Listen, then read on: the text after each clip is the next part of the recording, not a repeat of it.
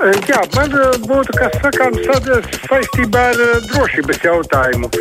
Es ļoti gribu atbildēt.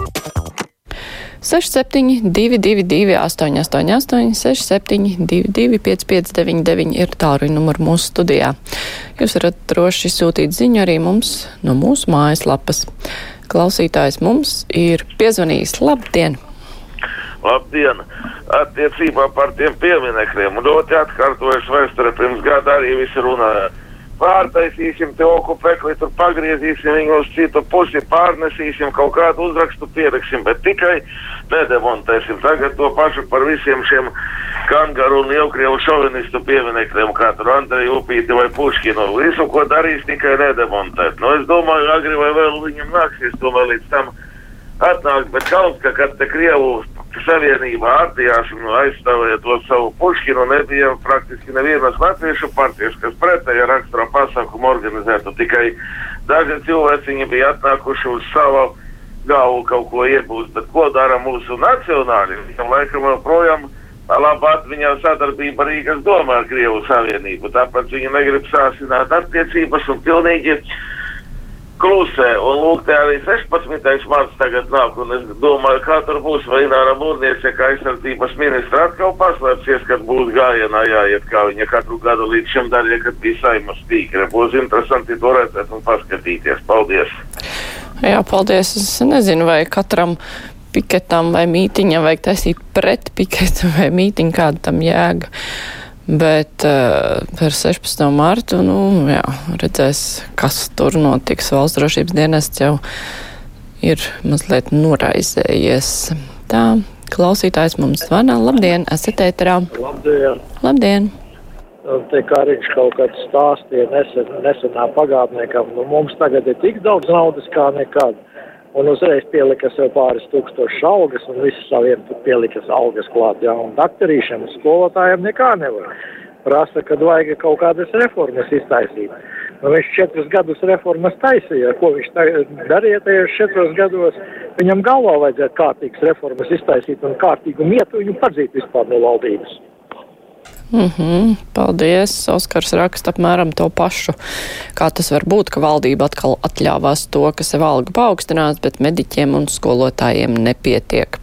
Jānis savukārt raksta, vakar izlasīja LSM rakstu par diasporas latviešiem un obligāto dienestu. Man ļoti pārsteidza Jāņa Eglīta aizsardzības ministrijas parlamentārā sekretāra izteikums, ka visi, kuri tiks iesaukti, tiks nodrošināti ar kompensācijām ēdināšanu pagaidas dzīvesvietu dienestu vietā, lai gan pats pirms nedēļas LTV intervijā teica, ka tie, kas tiks iesaukt un kuriem nezinām komisija ļaus iziet civilo dienestu, strādās aizsardzības ministrijas iestādēs, noliktavās birojos un tā tālāk, nepienāksies nekādas kompensācijas, ja dzīvos par savu naudu.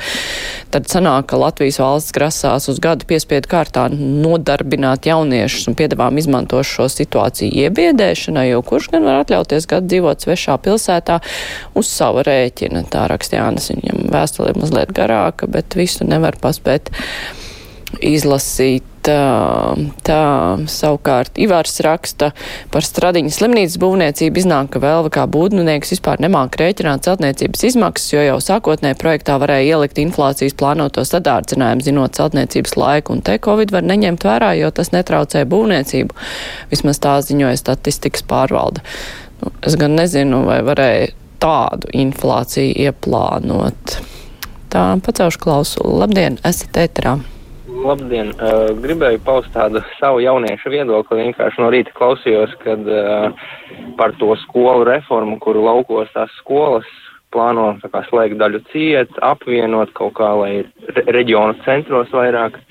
Vienkārši žēl klausīties kā valstī un skatīties, kā vienkārši atkal risina tikai sekas, bet pašu cēloni, kā attīstīt to mūsu, mūsu lauku reģionus, attīstīt, ka tas nenotiek un ka tiek tikai atkal tās sekas kaut kā, kaut kā mēģināt ar tām sekām tikt galā. Bet beigās jau atkal tie lauku reģioni tiks mazāk apdzīvoti un tā būs jauna problēma. Kā arī Jā, es atvainojos, es izslēdzu, bet es sapratu jūsu domu. Nu, jā, tas ir tāds apburtais aplis tajā pašā laikā.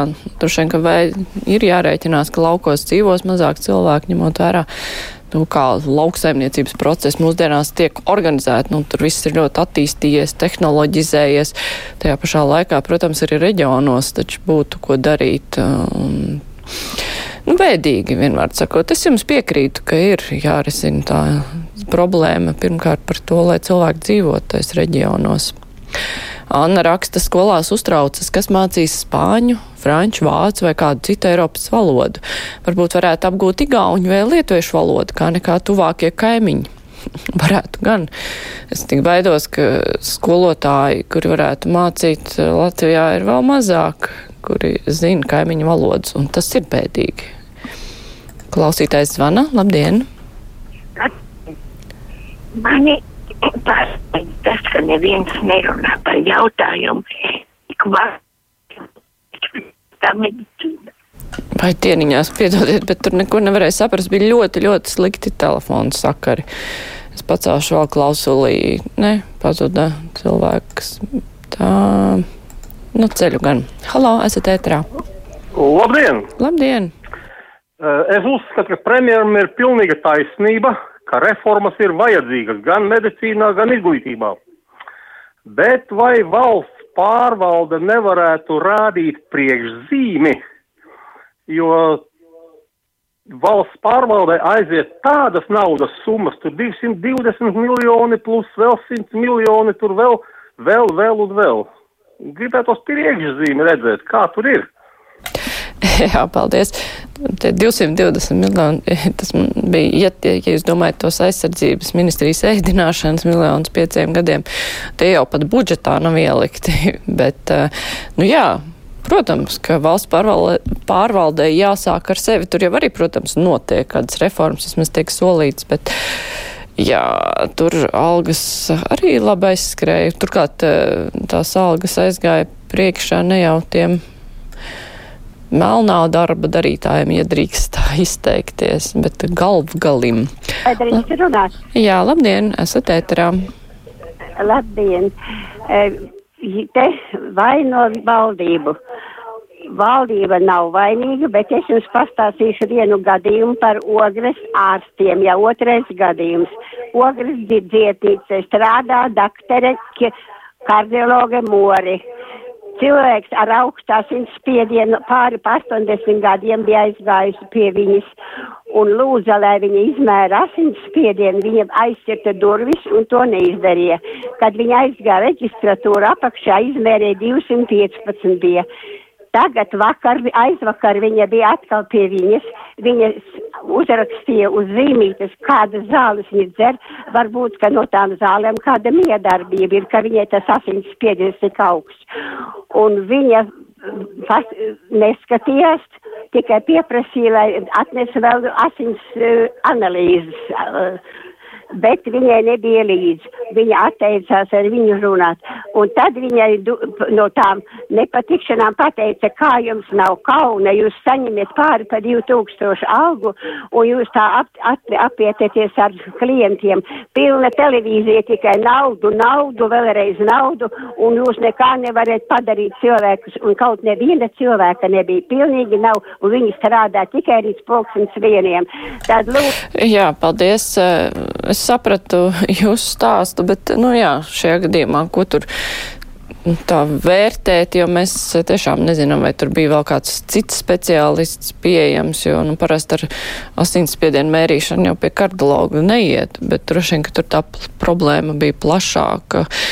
Nu, jā, varbūt kundzei tiešām jāiet pie ģimenes ārsta un jāsāk tur runāt par šo problēmu. Klausītājs Vana, labdien, esat ēterā. Halo! Pazuda klausītājs. Man vēl telefoni, ko pacelt. Labdien! Labdien! Labdien! Man tāds jautājums ieteikums.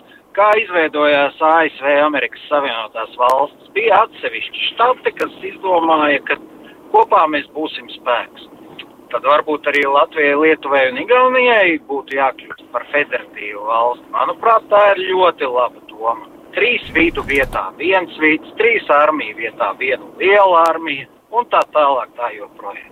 Paldies! Pirmo reizi dzirdu šādu ideju. Jā, nu, tur vajadzētu pavaicāt katram valsts pilsonim, ko viņš par to domā. Es negribētu būt Baltijas federatīvo valstu. Man tomēr patīk Latvijā dzīvot. Bet jā, ideja ir interesanta. Klausītājs, klausītāja Agnes raksta, es gan negribētu piedzīvot, lai 9. maijā piemēram, Puškina piemineklis kļūtu par pulcēšanās vietu. Tas taču nav nekas neiespējams. Un pēc tam sapratīs, ka tomēr jādemontē vai varbūt jāpārvieto uz kādas politiķas privāto dārzu. Starp citu, jā, tur jau, ja vajadzēs pulcēties, atradīs jau kādu citu vietu. Gunts saka paldies kolēģim Aidim Tomsonam par vakardienas sarunu ar Baško kungu, vakar par konservatīvismu Bija interesanta saruna ar dažiem negaidītiem pavērsieniem. Tas pirdien, pirmdienas saruna formāts ir labs. Drīz mums būs latviešu Džo Rogans. Tā raksta Guntis. Ceļu klausuli. Labdien, esat ēterā. Labdien. Man kāds varētu paskaidrot, kā tas iet kopā.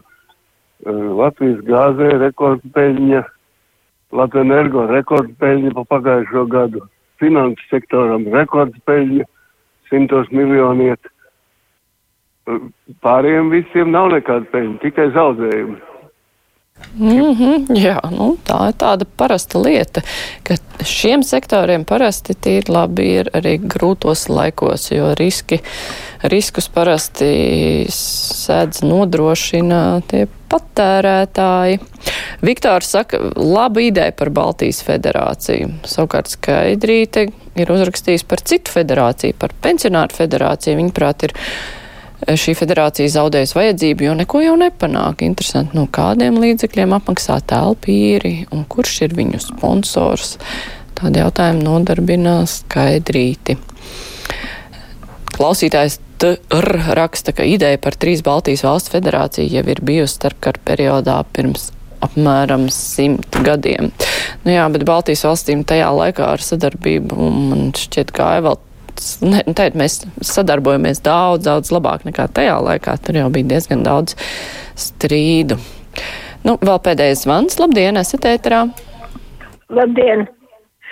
Es gribēju palūgt, ka varbūt var tomēr kāda arī pārēdi tādu, kur varētu no, no budžeta komisijas cilvēku vai no finanšu ministrijas arī tie, kas gatavo budžetu, paskaidrot, kur tad, kāpēc mums no sociālā nodokļa neapmaksā to veselību visu laiku, nu, kas ir viens procents, ja cikiem vairāk. Un, un par ko vispārībā maksā no mūsu sociālā budžeta? Nu, to... Jā, paldies. Nu, sociālais budžets, tas taču ir pensijas, tie ir pabalsti, tur taču aiziet milzīgi daudz naudas. Uh, jo tur jau ir skaidrs, nu, tās izmaksas ir tiešām lielas. Bet, jā, klausītāji, paldies, mūsu brīvā mikrofona laiks arī ir beidzies. Tagad būs ziņas, un pēc tam mēs runāsim par nepieciešamajām reformām veselības aprūpē, kādas tad tās būtu nepieciešams un ir iespējams.